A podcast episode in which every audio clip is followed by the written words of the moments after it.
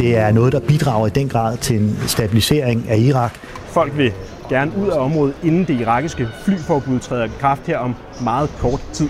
Jamen lige nu er det en meget usikker og ustabil situation øh, i Irak, i Mellemøsten. Demonstrationerne ud over i Bagdad har fundet sted i den sydlige og østlige del af Irak. Vi er kommet med den irakiske Golden Division. Det er dem, der er med helt ude i frontlinjen. Holdet her er på vej til Irak, hvor de skal træne. Irak, Irak, Irak, Irak.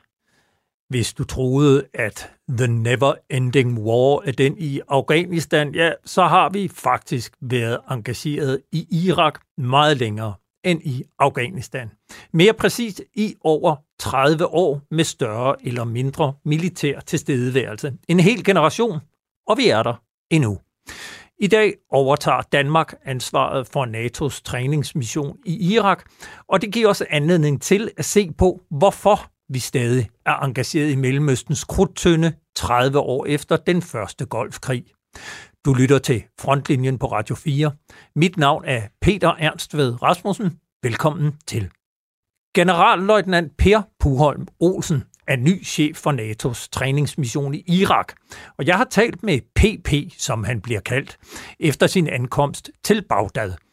Hertil var han også udsendt som næstkommanderende i NATO's daværende træningsmission for 15 år siden, og ifølge den danske generalløjtnant har alle lært noget siden da. Når jeg kigger tilbage, så er det helt entydigt, at vi forstod ikke dengang, at hvordan Irak fungerede. Altså med andre ord, meget af den, den rådgivning og træning, vi, vi gennemførte, den viser efterfølgende at være forkert.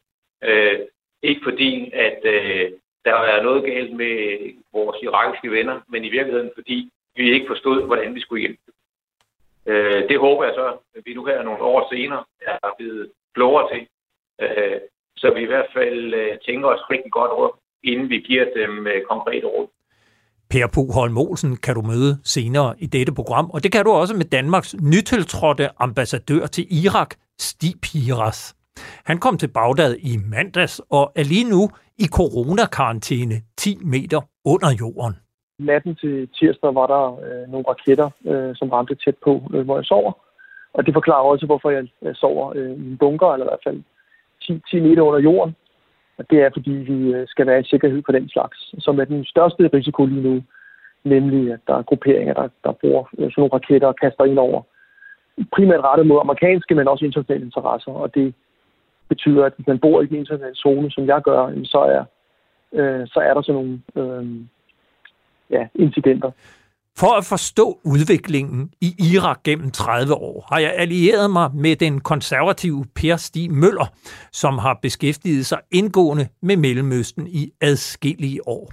Og så var han udenrigsminister, da Danmark i 2003 besluttede at gå med amerikanerne i krig ved for anden gang at sende korvetten Olfert Fischer til den persiske golf sammen med ubåden Salen, som med stor succes blev brugt til at holde øje med de iranske undervandsaktiviteter i golfen. Hvor mange gange er du blevet spurgt, om du fortryder Danmarks deltagelse i Irakkrigen? Ja, det er der blevet spurgt om mange gange, og det er også et relevant spørgsmål at stille, fordi der hele tiden har været diskussioner om Irak-krigen, dens grundlag og dens udvikling, og øh, hvordan Irak har udviklet sig, og Mellemøsten ikke mindst har udviklet sig siden. Så det er et relevant spørgsmål, og jeg har fået det mange gange. Per Stig Møller kommer du til at høre meget mere om i dette program. Men først skal vi 30 år tilbage i tiden til begyndelsen på en krig, som udviklede sig til højdramatiske begivenheder i det dansk-irakiske forhold. Irak har invaderet nabolandet Kuwait. Der meldes om mindst 200 dræbte. Irak erklærer, at regeringen er styrtet, og at der er indsat en overgangsregering i Kuwait. Den irakiske invasion af Kuwait i august 1990 førte til den historiske beslutning i Folketinget om en måned efter besættelsen at sende korvetten Olfert Fischer til den persiske golf. Men for en mindre gruppe danskere i Kuwait var dramaet allerede i gang. Jeg hedder Mads Sandov. Jeg har 44 år på bagen i Udenrigsministeriet. Da der blev taget gisler i Kuwait og disse blev overført til Bagdad, så var der et behov for, at vi havde en enhed, en kriseenhed i Udenrigsministeriet, og den blev jeg chef for. Saddam Husseins regime har taget flere danske statsborgere som gisler. Mads Sandau får til opgave at få dem alle hjem. Hans historie er netop udkommet i bogen Det sidste gissel, som er skrevet af Ole Sønniksen og min tidligere chef på Jyllandsposten, avisens udlandsredaktør Henrik Thomsen.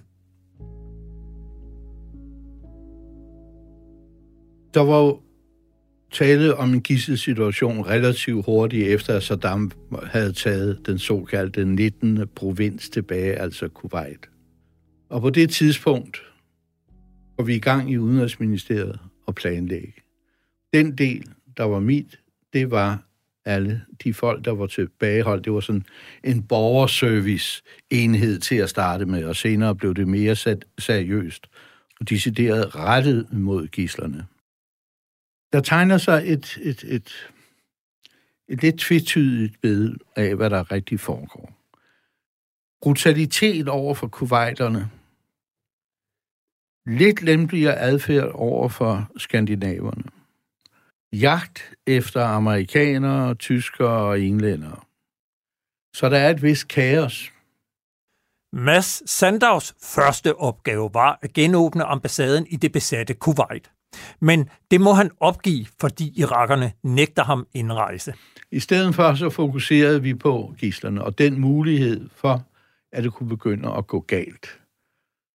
Vi prøvede på at lave nogle planer, vi prøvede på at lave et vist beredskab, og først og fremmest, og måske mest vigtigst, var, at gisterne, vi havde 37 øh, i Bagdad på det tidspunkt, der var med i det her, og øh, de blev aktiveret.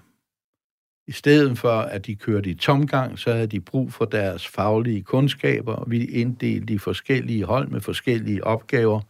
Nogle sørgede for at få forsyninger, så vi kunne være selvforsynende i en periode, i hvert fald på en måned. Andre forsøgte, og de lærte at kende vejnettet, hvordan vi kom ud af Bagdad jeg kiggede på forskellige måder og kom ud af... Altså simpelthen evakueringsplaner? Det var hvor, reelle evakueringsplaner. Forarbejdet bliver afgørende senere. Men i første omgang slipper Saddam Husseins regime grebet en smule. Det er nogle af gislerne, som selvfølgelig ser, at andre lande har en eller anden politiker til at komme ned, eventuelt en, for, en, en tidligere premierminister, der kommer ned og møder Saddam, og, hvor man kaldte det for knæfaldet for Saddam, og dermed kunne få nogle gisler ud. Og øh, der bliver det for nogens vedkommende besluttet, at man skulle prøve at henvende sig til forskellige danske politikere, og man henvendte sig blandt andet til Anker Jørgensen.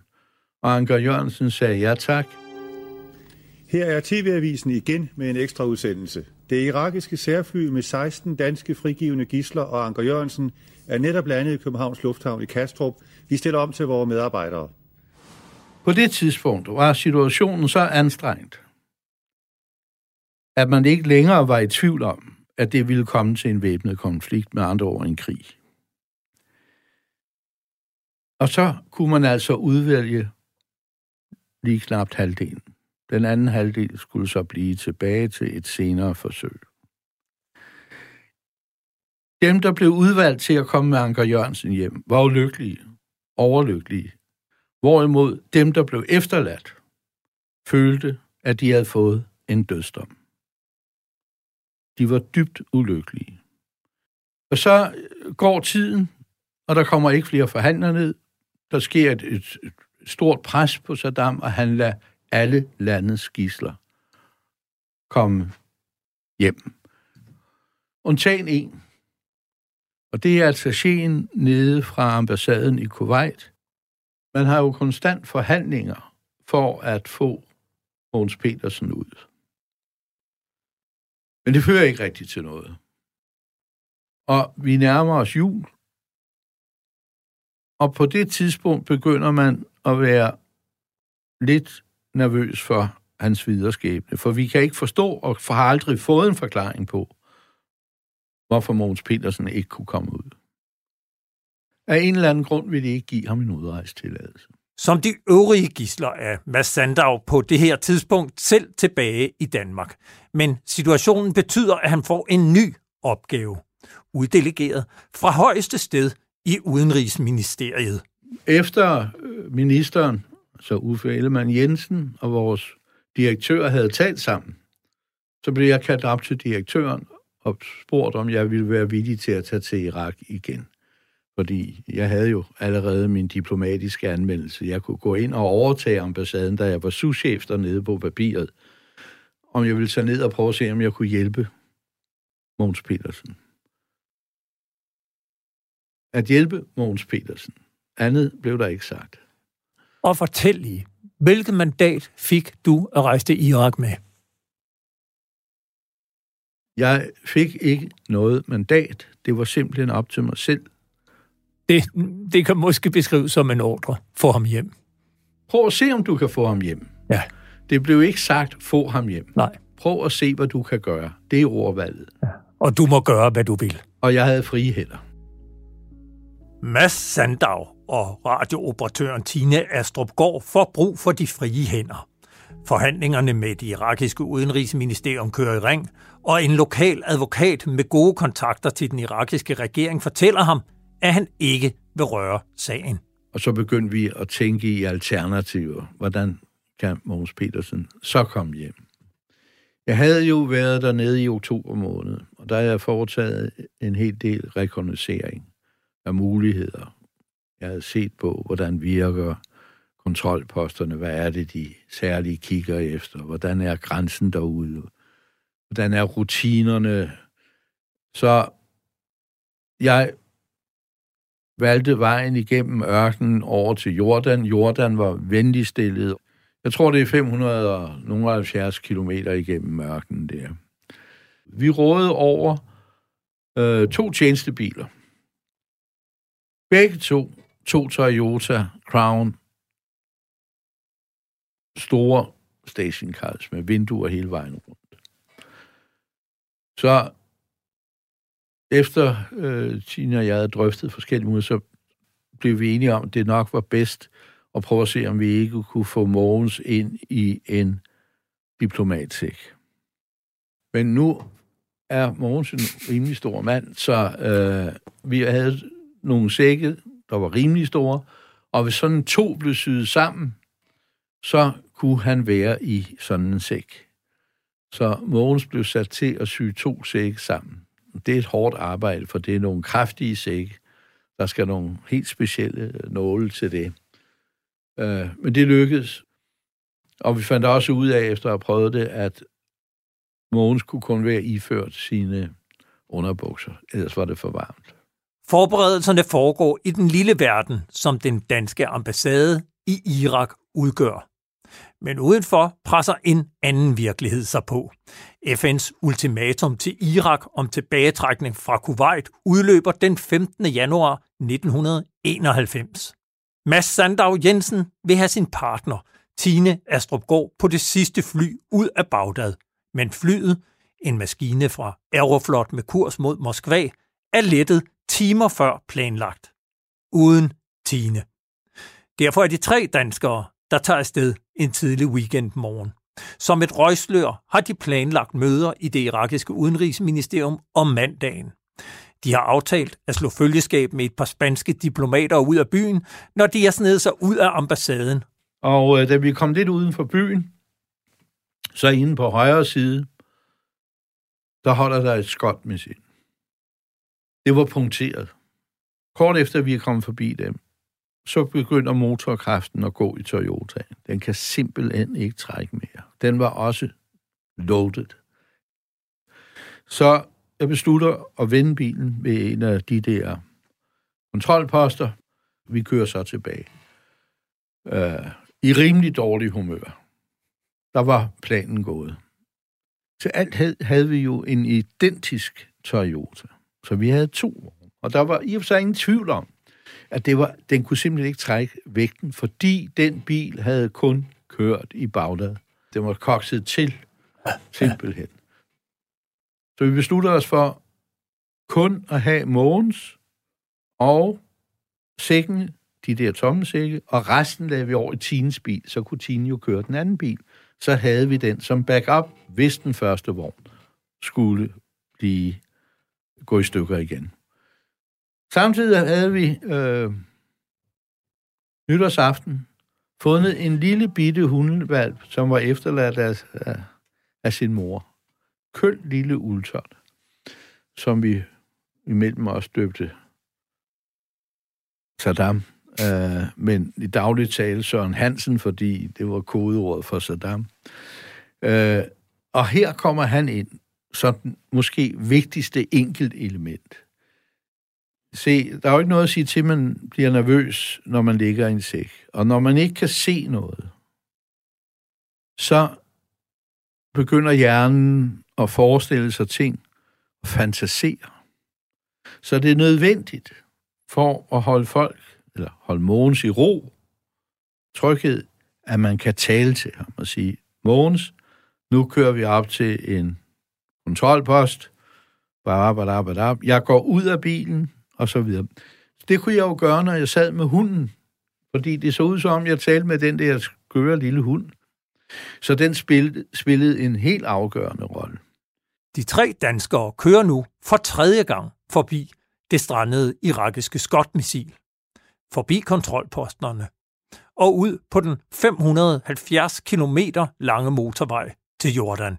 De går og kigger på bilerne, de kigger ind igennem vinduerne. Det var det, som vi var så glade for, at vi ikke var en almindelig bil, hvor vi skulle åbne bagsmækken og sådan noget. Her behøver de ikke. De kan kigge ind og mener, at de kan se det hele. Og så kører vi over mod Jordan. Soldaterne, der stod på den side af, af, af grænsebygningen der, de troede lidt af mig. Øh, jeg gik hen, og så sagde jeg, det må jeg undskylde, men jeg har altså lidt travlt. Jeg skal tale med Mondia, chefen. Og, og gik derind, og han var jo sådan en lille smule brysk, da jeg lige kom ind. Men han faldt til ro, og det han var mest interesseret i, det var at høre, hvad sker der i Bagdad? Hvad fornemmer du? Hvordan har de det derovre? Hvad sker der? Og øh, mens jeg snakkede med ham og drak te, og, og måtte tage den tid, det tog afslappet, jeg havde jo ikke sådan særligt travlt. Og i mellemtiden, jeg var derinde lidt mere end en time, tror jeg. Og imens stod de andre derude og havde det nok mindre godt. Vi fik alle stemplerne, og vi kørte igennem. Og vi kom ud på den anden side. Vi var lykkelige. Her, lettet og på jordansk territorium, efterlader vi Mads Sandav, Tine Astrupgaard og Mogens Petersen.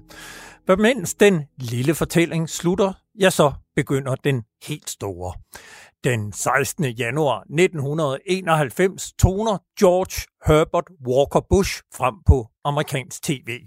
Now, the 28 countries with forces in the Gulf area have exhausted all reasonable efforts to reach a peaceful resolution. Have no choice but to drive Saddam from Kuwait by force. We will not fail. FN's deadline for en tilbagetrækning er overskredet, og den internationale koalition står klar til at befri Kuwait. På det tidspunkt sidder Per Stig Møller som miljøminister i Slytterregeringen der sender vi så altså korvetten Alfred Fischer afsted. Øh, et ret, altså, ret farligt indslag i krigen, for der var en risiko for en søkrig. Men vi sender altså korvetten øh, Alfred Fischer afsted. Forud for afsked med den danske korvet Alfred Fischer på Holmen i København, har der været en hissig debat i Folketinget, hvor først og fremmest de radikale og SF har vendt sig imod dansk deltagelse i FN's embargo mod Irak udmyndtet i tilstedeværelsen af dansk krigsskib i den persiske golf. Så øh, så bliver han smidt ud, og så kunne amerikanerne godt være gået til Bagdad og smidt ham ud. Men der siger så øh, gamle Bush, der er præsident på det tidspunkt, at øh, der er jo ikke noget mandat for Sikkerhedsrådet til at gå til Bagdad, kun til at smide dem ud af Kuwait. Så så stopper de on the highway to Baghdad, som de siger. Og øh, ja, så øh, vedtager så FN's Sikkerhedsråd altså nogle resolutioner om, at de skal betale erstatning til Kuwait, at de må ikke have masseudviklingsvåben, de må ikke have atomprogrammer, som de bliver også nævnt, og, øh, og, øh, og han skal aflevere, hvad han har, og han skal destruere det. Øhm, og han overholder jo ikke nogen af de resolutioner. Men der bliver jo, som du nævner, ikke ro i Irak. Hvordan øh, håndterer det danske folketing den situation, der er i Irak i årene efter det, vi så kan kalde den første golfkrig? Jamen, der sker jo meget der, fordi, øh, altså, som jeg sagde tidligere, så var jo alle de her ture, ture ind og ud med våbeninspektørerne og øh, amerikanske angreb. Øh, der er det her, Clinton, altså Clinton laver jo mange øh, flyangreb og missilangreb på Irak i 90'ernes løb for at få dem til at makke ret. Other friends and allies have agreed to provide forces, bases, or logistical support, including the United Kingdom, Germany, Spain and Portugal, Denmark and the Netherlands, og der spørger man så, om Danmark vil være med, og FN's Sikkerhedsråd drøfter det, og der er jo så den situation, som vi kender, at øh, Frankrig, Tyskland og Rusland siger nej. Og det vil sige, at der er ikke nogen fik sikkerhedsresolution i øh, 1998. Men Danmark siger alligevel ja til at sende transportflyet Hercules med ind i kampen mod Saddam Hussein, altså sammen med britterne og amerikanerne. Der kommer så ikke noget angreb i februar 98, fordi øh, Kofi Annan, der nu er udnævnt som FN's generalsekretær, han, øh, han går så ind i sagen, og så drøfter han det, forhandler han med Saddam Hussein. I februar 1998 rejser Kofi Annan ind i løvens hule, og han kommer tilbage med en aftale. Many agreements have been signed, but none have been negotiated and approved with Saddam Hussein. This one was negotiated with the president himself, and the leadership has got the message that he wants cooperation, he wants it done. Ifølge generalsekretæren har Saddam Hussein lovet at samarbejde. Våbeninspektørerne kan igen og uhindret rejse ind i Irak. Og det betyder, at britterne og amerikanerne aflyser deres øh, angreb. Og så kommer våbeninspektørerne ind, og et halvt år efter bliver de smidt ud igen. Det får britterne og amerikanerne til at bombe irakiske mål. Danmark bliver ikke spurgt om hjælp, men i 1999 bekræfter SR-regeringen, at man stadig vil bidrage med et transportfly, hvis det bliver nødvendigt. Og så i 99, der stiller sig enhedslisten forslag om at ophæve bemyndigelsen til at sende Herkulesen ind i tilfælde af en krig. Og der er det jo interessant, fordi øh, Niels Helve Petersen afviser så at øh, ophæve bemyndigelsen, fordi han har stadigvæk ikke ham Saddam Hussein uh, rettet ind, og der stadig, kan stadigvæk blive brug for den. Og øh, også i 2001, da Måns Lykketoft er udenrigsminister, øh, er der en debat i Folketinget, hvor han fastslår, at det drejer sig altså om at få fjernet de masseudvægtsvåben. Det er faktisk Måns Lykketoft, der siger det. Og derfor vil han stadigvæk være klar til, at Danmark kan gå med. Så der er en situation, da vi overtager det, altså en øh, SR-regering, som har stået fast på, at man skal støtte et angreb på Saddam Hussein og være villig til at bidrage til det. Det ender nemlig med, at Per Stig Møller tager over. Det sker efter valget i 2001. Tak skal I have. Ja, tak skal I have. Og så er spørgsmålet, hvad der sker. Tak. Hvorfor ender Danmark igen i krig med irakerne? Der sker jo det sædvanlige der med hovedinspektøren, der ryger ind og ud, ikke? Og, øh, og det vil sige, at det bliver ved. Han, han øh, krænker, altså han, han ignorerer alle de henstillinger. Derfor var det jo oplagt, at han skulle afsløre, afsløre for verden, hvad han havde ikke havde.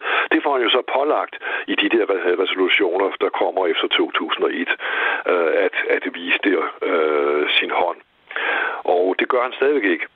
Så i november 2002 øh, vedtager så FN's Sikkerhedsråd, altså nu får han sin sidste chance, resolution 1441, der får han sin sidste chance for at vise, hvad han har.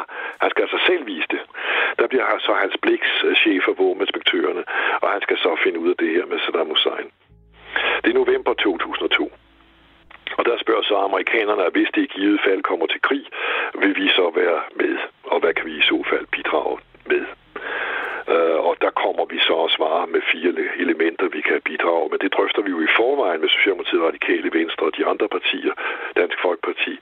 Øh, hvad kan vi stille der er jo stadigvæk korvetten, og der er en ubåd, og så er der et luftmæleteam, øh, altså som skal kunne følge udviklingen i luften, og så er der jægersoldaterne, ikke? Og øh, det siger så alle ja til, at det kan vi godt sige til amerikanerne, at vi i givet fald kan bidrage med det. Men det forudsætter selvfølgelig, at der kommer en beslutning øh, i FN. Og så kommer det berømte møde den 5. februar i 2003 øh, i Sikkerhedsrådet, hvor Colin Powell ser det jo ud til at dokumentere en masse øh, skjulte øh, legetøj, masseudvægtsvåben og masseudvægtsvåbensproduktionssteder og måden, han gør det på. Let me take you inside that intelligence file and share with you what we know from eyewitness accounts. We have first-hand descriptions of Det er altså Colin Powell jo så senere, selvfølgelig, men han var beklaget meget, for det var jo ikke rigtigt, hvad han sagde. Men hvor jeg i verden skulle vi vide det? Vi har jo ikke efterretningstjenester, som overgår den amerikanske. Vi har faktisk ikke nogen på plads i Irak. Vi har jo kun bygger jo kun på international viden i Danmark på det tidspunkt, og det vil sige især amerikansk. Den amerikanske efterretningstjeneste var meget overbevist om, at han havde alt det der. Så det var de ikke i tvivl om. Og så kommer så i forløbet op til marts, hvor krigen bryder ud, og der drøfter man så, skal der være en anden resolution, eller skal der ikke være en anden resolution. Så der var meget store overvejelser med den danske position, som vi meddelte amerikanerne, det var, at regeringen skal have selvfølgelig have flertal i Folketinget, og det er også vigtigt, at den er forankret i FN. Mm. Og det er på basis af det, at vi så træffer vores beslutning. Per Stig Møller og resten af Anders Fogh Rasmussens regering har det nødvendige flertal til at gå i krig. Men det er det smallest mulige flertal. Og derfor ændrer de i det danske bidrag. Vi sender faktisk kun øh, flåden afsted, ligesom i 91 hvor de jo også havde støttet øh, Uffe Ellemann Jensens beslutning i sin tid i 91. Øh, men vi sender ikke æresoldaterne afsted, og det er for, for, for, fordi vi har jo ikke længere et bredt flertal. Vi har kun et smalt flertal med Dansk Folkeparti. Derfor var det Anders Fogh Rasmussen som min vurdering, at øh, selvom vi nu er Dansk Folkeparti med, så vil vi ikke udvide det til også at sætte landsoldater ind, når flertallet er så snævert. Så det var altså kun marinen, der kom afsted. Den 20. marts ruller vestlige styrker ind over grænsen og invasionen går stærkt. Den 1. maj besøger George Walker Bush, altså sønnen til den gamle George Bush, det amerikanske hangarskib USS Abraham Lincoln. Da han taler til besætningen, hænger et stort mission accomplished bag ham. The transition from dictatorship to democracy will take time, but it is worth every effort. Our coalition will stay until our work is done. Saddam Hussein falder allerede i april. Og øh, så drejer det sig om at stabilisere Irak. Så det vil sige, nu skal der stabiliseringsstyrke ind for at øh, hjælpe det nye Irak efter Saddam, øh, Saddam Husseins fald. Og der går vi jo så i Folketinget for at sætte landsoldater ind. Og det støtter så Socialdemokratiet. Så nu er der bredt flertal for at sætte altså boots on the ground soldater på jorden. I efteråret 2003 kommer der en øh, yderligere appel for FN, som betyder, at det radikale venstre også går med. Så derefter er der altså meget bredt flertal for, at øh, der skal være danske soldater på jorden i Irak. Øh, det, der sker i Irak, i det, der så er stabiliseringsfasen, det ender jo med ikke at blive særlig stabil. Hvad er det for tanker, I gør jer, og, og, og, og hvordan er det, øh, altså hele udviklingen i Irak i de år efter invasionen? Der... Jamen, jamen, det går jo godt. Altså, det går jo faktisk rigtig, rigtig godt. Altså, man øh, laver jo først øh, øh irakisk øh, øh, midlertidig regering, øh, der skal øh, irakerne lave selv en forfatning. Forfatningen kommer til folkeafstemning, så laves så vælges der et parlament, og øh, der er flere frie valg dernede. Forfatningen er også vedtaget ved frie valg. Så det foregår jo faktisk demokratisk øh, meget fint. Der er mange partier, der er mange aviser nu, der er tv- og radiostationer, så der er en fri demokratisk debat, og det tager jo også lang tid at danne regeringer, hvilket er tegn på, at det er demokrati. For i totalitære styre, så tager det jo ikke mange minutter at danne en regering og konstatere, at man har fået 98 procent af stemmerne. På trods af, at der er terroren gået i gang, fordi øh, shiiterne er gået i gang med at bombe og terrorisere i deres militser. Og der siger en af dem, altså en af de ledende, at øh, det drejer sig nu om at sætte en religionskrig i gang, for derved at forhindre demokratiet i at slå rod. Men alligevel er altså, altså de store fremskridt, som jeg nævnte før. Og i Folketinget er der flere folketingsmedlemmer, blandt andet Jeppe Kofod, der, der stiller spørgsmål om, vi ikke kan trække os ud nu, fordi nu er der jo fred og ingen fare og frem, øh, fremdrift i Irak. I Jordan er der så et møde, hvor jeg så har et bilateralt møde med den irakiske udenrigsminister, og øh, der siger han til mig, tak fordi I var der, vi har ikke brug for jer længere. Vi kan godt klare det selv, vi er op over, øh, vi er op, op over øh, bjerget, vi er op på, på toppen af bjerget nu. Så nu går det bare fremad. Og, øh, og så spørger jeg, hvad kan vi så ellers hjælpe med? Jamen, vi kan hjælpe os i centraladministrationen civilt, men øh, militært har vi ikke brug for jer mere. Og på dage efter har jeg, jeg tror det er den 2. december, har jeg møde i øh, Bagdad med Maliki, som har vundet valget, det sidste valg inden til der 2006-situation. Og øh, Al-Maliki siger, jamen tak fordi I var der, vi har ikke brug for jer længere. Og der sætter vi så i gang i, at vi så øh, skal forberede, at vi vender hjem. الشباب لن يكل همه أن يستقل أو يبيع Efter invasionen i Irak i 2003 besluttede Danmark at genåbne sin ambassade i Bagdad. En af de første danske diplomater i landet var den unge Stipiras. I 2004 vendte han tilbage i nogle måneder som souschef på ambassaden i Bagdad kort efter at jeg selv havde været presse- og informationsofficer i den danske bataljon, som var placeret i Camp Danevang uden for Basra i det sydlige Irak. Efter få måneders tjeneste fortsatte Stipiras diplomatiske karriere i Washington og i tyrkiske Ankara. Men i mandags vendte Stipira så tilbage til Bagdad for at genåbne den danske ambassade, denne gang som ambassadør. Det hører her med til historien, at jeg kender Stipiras ganske godt endda. Vi gik i gymnasiet sammen og tilbragte i slutningen af 1980'erne flere weekender med at se tre videofilm på en lejet moviebox fra Christianshavns Video. Men det er en helt anden historie. I weekenden ringede jeg til ham i Bagdad og spurgte, om han kan se forskel på det Irak, som han forlod i 2004, og det Irak, som han netop er ankommet til. Ja, de, de er meget tydelige. Øh, da jeg landede øh, i Irak, var det meget, meget øh, sent øh, mandag aften, og der øh, øh, var det et helt andet øh, Bagdad, end det jeg forlod i, i, øh, i, i 2004. Ikke fordi der var meget mere lys.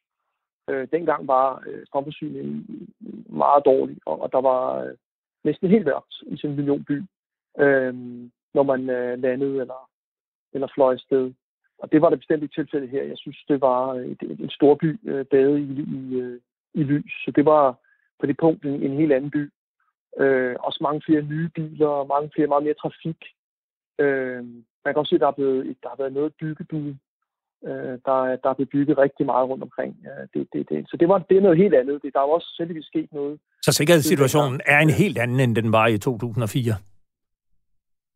Ja, det kan slet ikke sammenlignes. Altså i 2004 var, var ret voldsomt. Øh, det, øh, det, det var det her ikke. Altså, godt nok øh, mand, natten til tirsdag var der øh, nogle raketter, øh, som ramte tæt på, øh, hvor jeg sover. Og det forklarer også, hvorfor jeg, sover øh, i en bunker, eller i hvert fald 10, 10 meter under jorden. Og det er, fordi vi skal være i sikkerhed på den slags, som er den største risiko lige nu. Nemlig, at der er grupperinger, der, der bruger øh, sådan nogle raketter og kaster ind over. Primært rettet mod amerikanske, men også internationale interesser. Og det betyder, at hvis man bor i den internationale zone, som jeg gør, så er, øh, så er der sådan nogle øh, ja, incidenter. Nu åbner man jo så ambassaden igen i Bagdad, og du skal så bo i øh, Bagdad nu i forløb i, i to år. Hvad er baggrunden for, at man fra Udenrigsministeriet vælger at åbne en dansk ambassade igen i landet?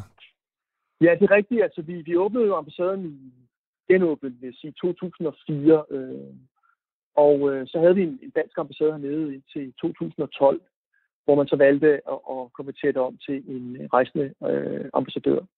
Og grunden til, at man til nu igen genåbner, det er øh, en regeringsbeslutning om, at øh, selvfølgelig det på den korte bane, og det mest sådan, aktuelle er selvfølgelig, at vi fra Danmarks side overtager øh, ledelsen af NMI, altså NATO's træningsmission i Irak, som er en utrolig vigtig mission øh, for os, øh, for NATO og ikke mindst for Irak. Og, øh, og der har man altså vurderet fra regeringens side, at det er vigtigt også at have en diplomatisk tilstedeværelse.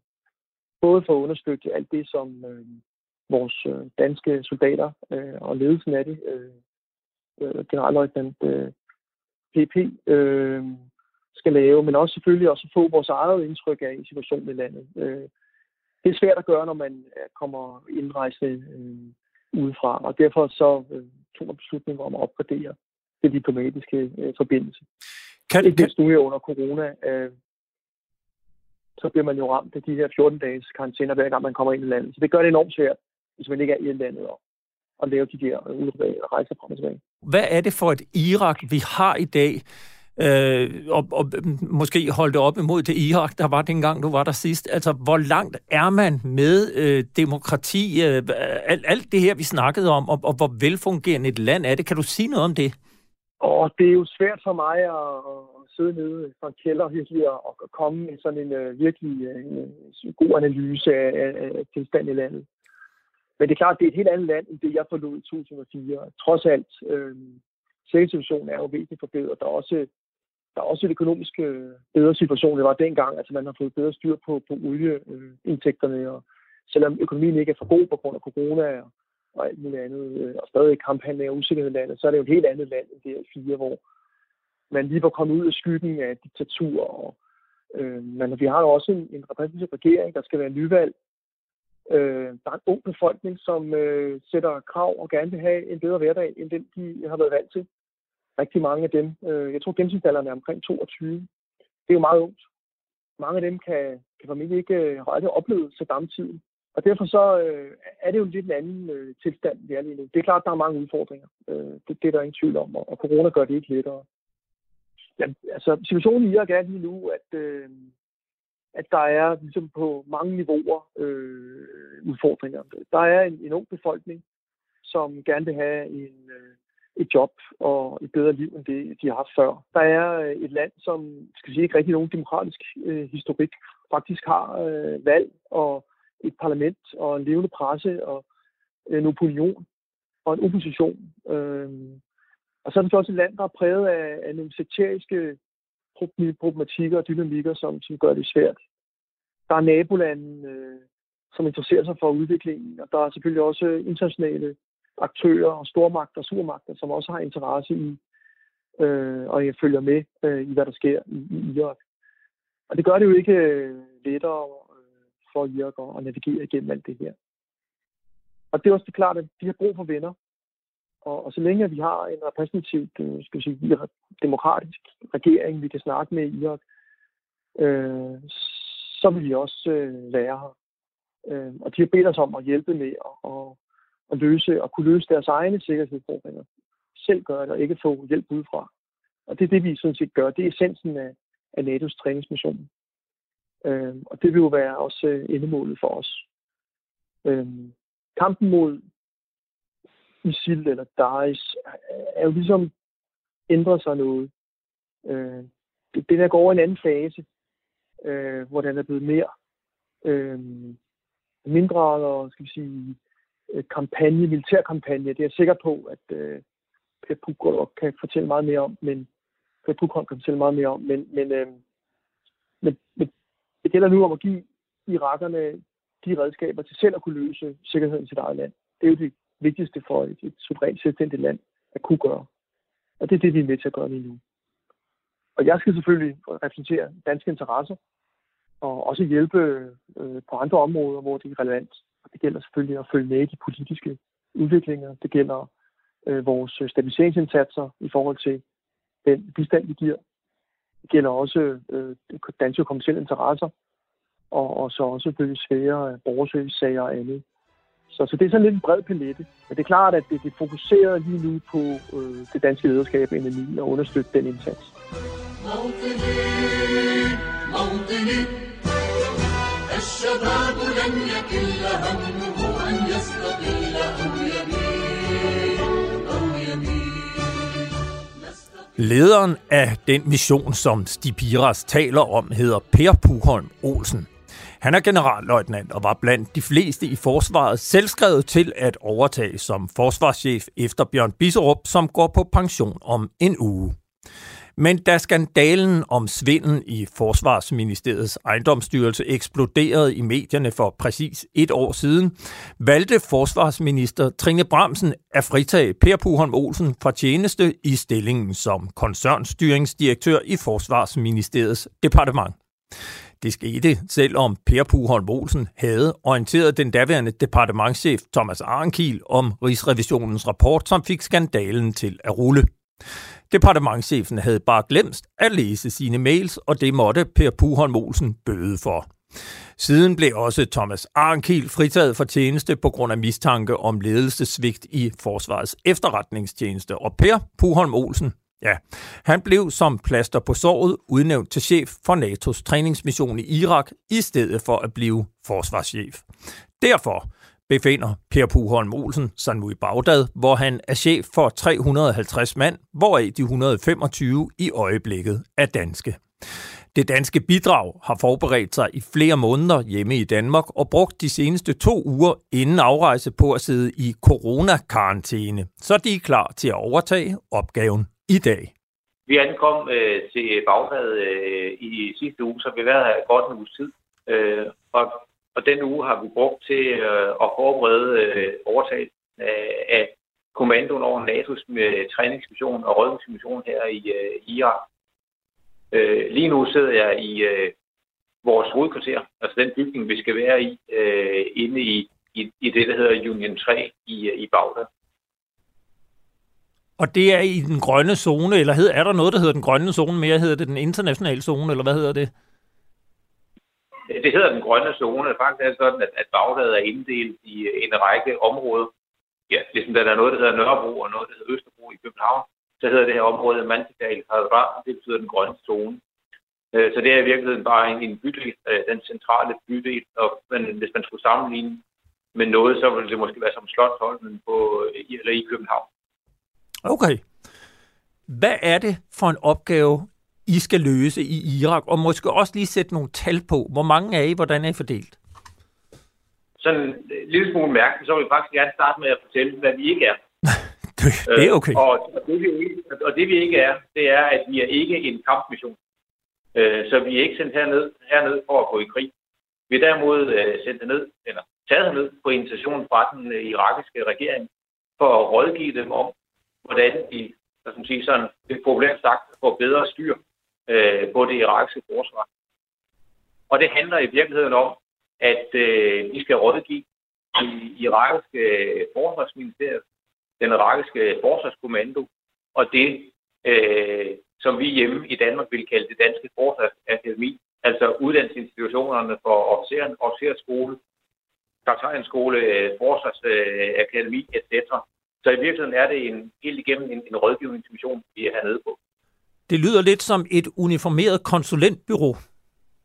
Jamen, men det, det er det sådan set også, og, og det er faktisk sådan, at, at missionen her er en, en fuldt integreret civil og militær øh, operation. Og det vil sige, at, at jeg har øh, lige så vel øh, civile rådgiver, som jeg har militære rådgiver i, i operationen. Øh, og, og rent faktisk, så er det sådan, at øh, den af mine øh, kollegaer, der er chef for den, hvad skal man sige, den enhed i vores organisation, der står for at rådgive det irakiske forsvarsministerium og forsvarskommando, det er faktisk en, øh, en, øh, en civil øh, diplomat fra, fra Holland. Så det er en, en fuldt øh, integreret militær og civil øh, rådgivning eller rådgivningsstation. Og din analogi over til at sige, at vi er et, et øh, konsulentfirma, den er sådan set meget fast. Du var jo selv i perioden fra 2005 til 2006 næstkommanderende i, det hed så Coalition Military Assistance Training Team i Bagdad. Det lyder som noget af det samme. Hvad adskiller sig i den mission, du løser nu, fra den mission, du var en del af for 15 år siden? Det adskiller sig på, på to måder. For det første, så var det, vi lavede dengang, det var i virkeligheden mere taktisk uddannelse af, af konkrete irakiske soldater. For det andet, så synes jeg øh, i virkeligheden selv, at den, den måske allerstørste øh, forskel er, at dengang var vi ikke inviteret af den irakiske regering. Der kom vi jo i virkeligheden sådan på forlængelse af, af, af invasionen i 2003.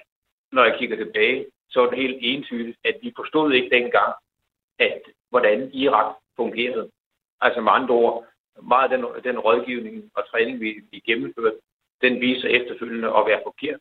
Øh, ikke fordi, at øh, der er noget galt med vores irakiske venner, men i virkeligheden fordi, vi ikke forstod, hvordan vi skulle hjælpe Øh, det håber jeg så, at vi nu her nogle år senere er blevet klogere til.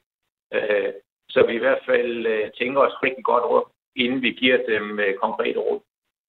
Man kan jo netop, altså lidt i forlængelse af det, spørge, hvordan det kan være, at der efter, nu er det jo ikke bare 15, men, men 17-18 år, øh, stadig er brug for en træningsmission i Irak. Har du en forklaring på det?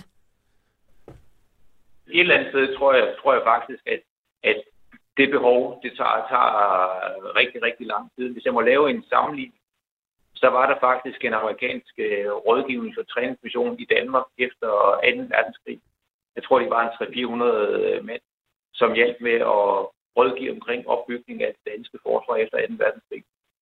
Der er faktisk stadigvæk en 4-5 stykker af dem tilbage i Danmark i det, der hedder Office of Defense Corporation inden for den amerikanske ambassade. Så, så min pointe her, det er, at den omstilling, som vi er i gang med her, det er noget, der tager, tager rigtig, rigtig lang tid. Hvis jeg så kan have et, et eksempel fra det, vi konkret rådgiver omkring nu, øh, i forhold til det irakiske forsvar, så er det for eksempel indholdet på deres uddannelse, for eksempel på deres øh, National Defense College. Det er et sted, hvor de har deres øh, højeste officer til at gennemgå uddannelse. Og der vil nok gå et stykke tid fra, at vi har uddannet hold 1, til at der er uddannet nok til, at man efterfølgende kan gå ud, og de kan agere anderledes i det irakiske forsvar, og på den måde i virkeligheden over tid ændre øh, det irakiske forsvar til det bedre. Så i virkeligheden, det vi taler om, det er jo en, en mangeårig holdningspåvirkning på den ene del, og på den anden side en mangeårig øh, hvad skal man sige, institutionel, institutionel udvikling af det irakiske forsvar. Og det tager øh, lang tid, og det tager også lang tid i et land øh, som Danmark. Nu har øh, USA jo så for under en uge siden, eller Donald Trump, besluttet at øh, skære det amerikanske bidrag fra, jeg mener det er fra, er det 2.500 til 2.000 mand, altså fjerne, træk 500 soldater, amerikanske soldater ud af Irak. Hvad får det af konsekvenser for den mission, du er sat i spidsen for? Jeg tror ikke, at jeg tror ikke, der er nogen, der, der ved det øh, endnu. Jeg tror ikke, at øh, vores amerikanske kollegaer er kommet så langt med deres overvejelser, at de præcis ved, hvordan det der skal udmyndes i praksis. Øh, men jeg er ganske fortrøstningsfuld øh, over, for at, at, øh, at det vil blive koordineret på en sådan måde, at det ikke kommer til at kompromittere vores øh, operation. Om, om vi vil være nødt til at lave nogle tilpasninger, det, det må tiden vise. Det sagde altså generalløjtnant Per Puholm Olsen på telefon fra Bagdad i Irak.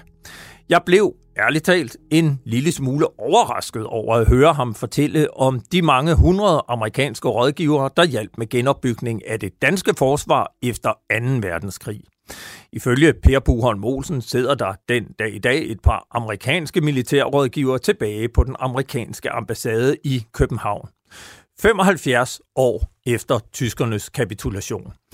Set i det lys kan man sige, at de danske soldater lige nu er for Irak, hvad amerikanerne var for Danmark i 1950'erne og 60'erne, sådan en 15-20 år efter afslutningen på 2. verdenskrig. Og det viser måske meget godt, hvilket tidsperspektiv vi arbejder med i Irak. Det er langt, og formentlig noget længere, end vi danskere forestillede os, da korvetten Olfert Fischer sejlede afsted mod den persiske golf i 1990. Eller da tidligere udenrigsminister Per Stig Møller var med til at sende Olfert Fischer afsted igen i 2003. Nu øh, skriver vi 2020, og øh, vi har jo haft soldater i Irak øh, lige siden, at øh, danske soldater så kom ind første gang. Og nu er det jo så gået over og blevet en træningsmission. Den træningsmission, den overtager øh, Danmark jo ansvaret for nu. Vi har Per Puholm Molsen, der, der overtager i dag. Øh, altså, hvor, hvor han skal være chef for NATO's mission i, øh, i Irak. Havde du forestillet dig, den gang, hvor I drøftede det her, at vi stadig skulle have omkring 200 danske soldater i Irak i 2020? Nej, altså da vi går ud i 2007, er det jo mens Irak øh, er i fremgang. Der er de der øh, religionskrig, øh, den, den er i gang, men den er jo ikke sådan, som man kan forvente, den skal vare 14 år endnu. Altså, jeg havde da ikke forestillet mig, at vi stadigvæk var nødvendige, det var nødvendigt, hvad var der også i 2020. Øh, men det skyldes jo altså den udvikling, som Maliki i virkeligheden udløser øh, som jeg altså har en eller anden dum fornemmelse af det i december 2006, han kan finde på. Øh, fordi han går jo så i gang i, øh, altså i slutningen af årtiet går han så i gang med at, at øh, fortrænge sunnierne. Altså man havde fået inddraget sunnierne i det politiske liv. De var gået ind i det politiske liv igen. Altså der var ro i det igen, og sunnierne var involveret, og øh, derfor var der jo grund til at tro, det kunne lade sig gøre. Men der var så altså Maliki øh, tog så chancen, da han øh, kunne kunne gøre det, øh, og så begyndte han så at fjerne sunnier alle steder derfra, og begyndte igen at diskriminere mod sunnier. Og det skabte jo så i 2010-2011, det der al uroen ruller hen over Mellemøsten. Det skaber jo så den situation, at du får en, en ny borgerkrig i Irak. Og den var jo fremkaldt efter min opfattelse af, at Øh, at shiiterne, altså med Maliki i spidsen, misbrugte deres magtposition over for sunnierne, for de var jo faldet til ro, de var inddraget. Men, øh, men, øh, men altså, jeg, jeg mener ikke, at vi kunne forhindre, at, at den demokratiske regering øh, udfolder sig, som den gjorde med øh, Maliki i spidsen. Han blev så også senere skiftet ud. Øh, så der, der starter du altså en, en, en, en borgerkrig, og samtidig ligger der det der spil med Iran og den arabiske halvø, og der ligger spillet mellem shiiter og sunnier. Og der er det jo sådan, så jeg mener faktisk ikke rigtigt, at vi kan blande os i en religionskrig mellem sunnier og shiiter. Altså, det må de sørge selv klar. Når, når, når du ser tilbage på øh, hele forløbet, altså Danmarks engagement i Mellemøsten og, og din egen personlige rolle i skiftende regeringer der, er der så noget, du personligt vil ønske, at øh, du eller vi som land havde gjort anderledes? Nej, det mener jeg faktisk ikke. Jeg har tænkt meget tit over det. Jeg reflekterer også over det i min bog Udenrigsmester i krig og fred, hvor der ikke er mindre end 100 sider omkring Irak-krigens forløb. Og det, så er jeg også, der øh, slutter jeg også af med eftertanker og refleksioner over, om hvorvidt det skulle, altså, skulle gøres eller ikke skulle gøres. Og jeg kommer frem til det resultat, altså at i, til den situation, der var, det er jo det, man skal tænke på, hvad situation var der. Uh, der, der gjorde vi altså det, som der skulle gøres. Uh, det kunne ikke gå anderledes, så jeg fortryder det faktisk ikke. Og jeg tror, hvis Saddam Hussein havde fået lov at blive siddende, og verden havde trukket sig tilbage og ikke foretaget det, vi gjorde i 2003, jamen så var han der blevet en kæmpe urofaktor i Mellemøsten. Så havde han da opbygget de ting, han så ikke havde i 2003, men han havde jo kapabiliteten, altså muligheden for at lave dem, evnerne til at lave dem. Så, så det havde han så gjort, og han havde vidst, at så blev han ikke længere øh, ramt af øh, verdens vrede og armer. Så det var blevet meget værre med Saddam Hussein bagefter. Ja, og hvis vi så også sådan helt kort her ser, øh, ser ind i øh, krystalkuglen, hvor længe tror du, at øh, vi har danske soldater til stede i Irak fremadrettet? Ja, nu får vi jo se, hvad amerikanerne gør. Ja. Altså, Trump øh, vil jo trække nogen tilbage, og så søger spørgsmålet, altså hvor meget er tilbage af NATO-mission. Stoltenberg jo, er jo meget øh, pessimistisk over for den amerikanske, øh, indika- de amerikanske indikationer, som de falder i disse her dage. Øh, så så er det jo spørgsmål, hvor meget er tilbage af NATO-missionen, når Danmark tager over. Men øh, Ja, hvor lang tid skal vi blive der? Altså, i en, i en religionskonflikt mener jeg ikke, vi skal stikke hovedet ind i. Det er som at stikke hovedet ind i klaptræ. Altså, vi har jo hverken nogen grund til at støtte jæderne eller sunnierne. Det må de selv klare. Jeg spurgte engang, øh, for nu spørger, hvor lang tid det her var, så kan jeg svare med øh, det svar, jeg fik, da jeg spurgte den øh, Katars udenrigs, statsudenrigsminister. Jeg spurgte ham, hvor lang tid vil denne her sunni-shia-konflikt vare? Så svarer han, Ja, forløbet har den varet i 1300 år, så den skal nok vare 1-200 år mere.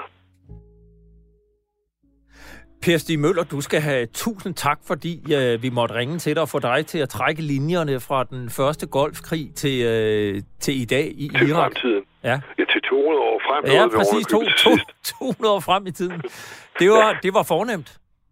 Godt, tak skal du have. Ta- tak, fordi tak. Uh, du vil være med. Det var hyggeligt at tale med dig. Ja, i lige måde.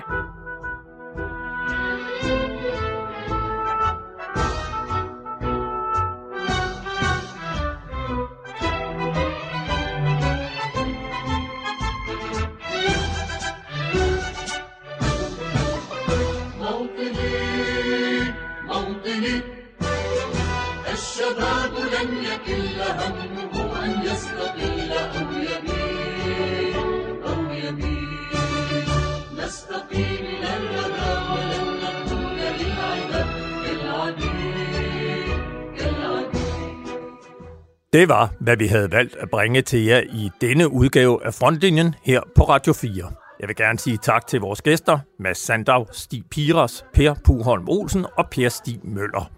Har du ris eller ros, kan du sende os en mail på frontlinjen snablag radio4.dk. Jeppe Rets Husted sad i redigeringen. Mit navn er Peter Ernst ved Rasmussen, og vi lyttes ved igen om en uge.